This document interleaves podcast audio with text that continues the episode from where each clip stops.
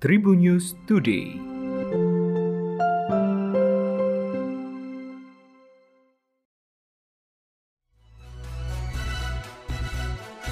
Halo Tribuners, berjumpa kembali dengan Tribun News Podcast. Sejumlah informasi dihadirkan untuk Anda.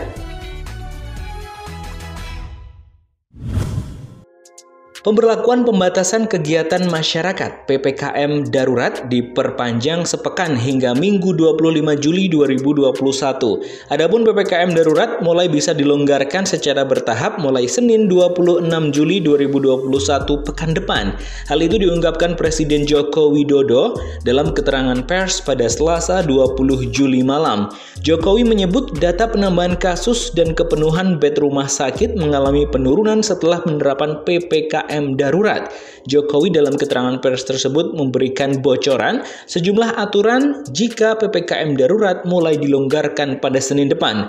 Pasar tradisional yang menjual kebutuhan sehari-hari diizinkan buka sampai pukul 20.00 waktu Indonesia Barat dengan kapasitas 50%. Sedangkan pasar tradisional yang menjual selain kebutuhan sehari-hari boleh buka hingga pukul 15.00 waktu Indonesia Barat. Kemudian usaha kecil dapat buka dibuka sampai pukul 21.00 waktu Indonesia Barat dengan protokol kesehatan yang ketat.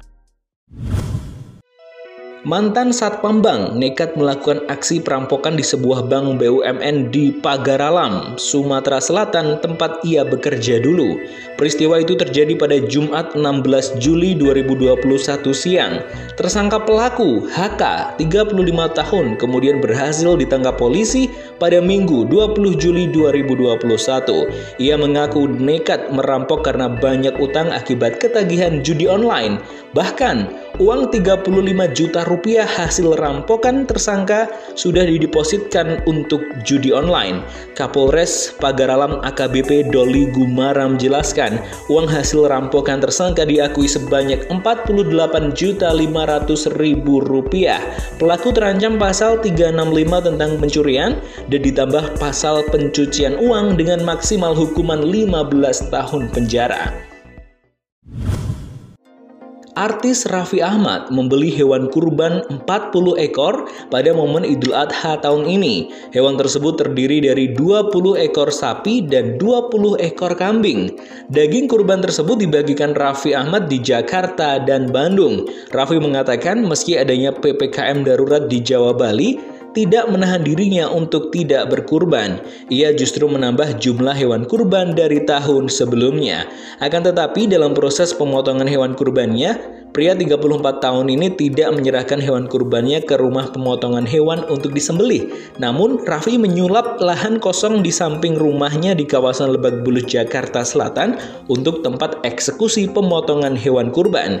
Dari 16 sapi dan 11 ekor kambing yang disembelih di Jakarta, suami Nagita Slavina itu, ia tuliskan nama-nama orang-orang keluarganya dan juga para pekerjanya.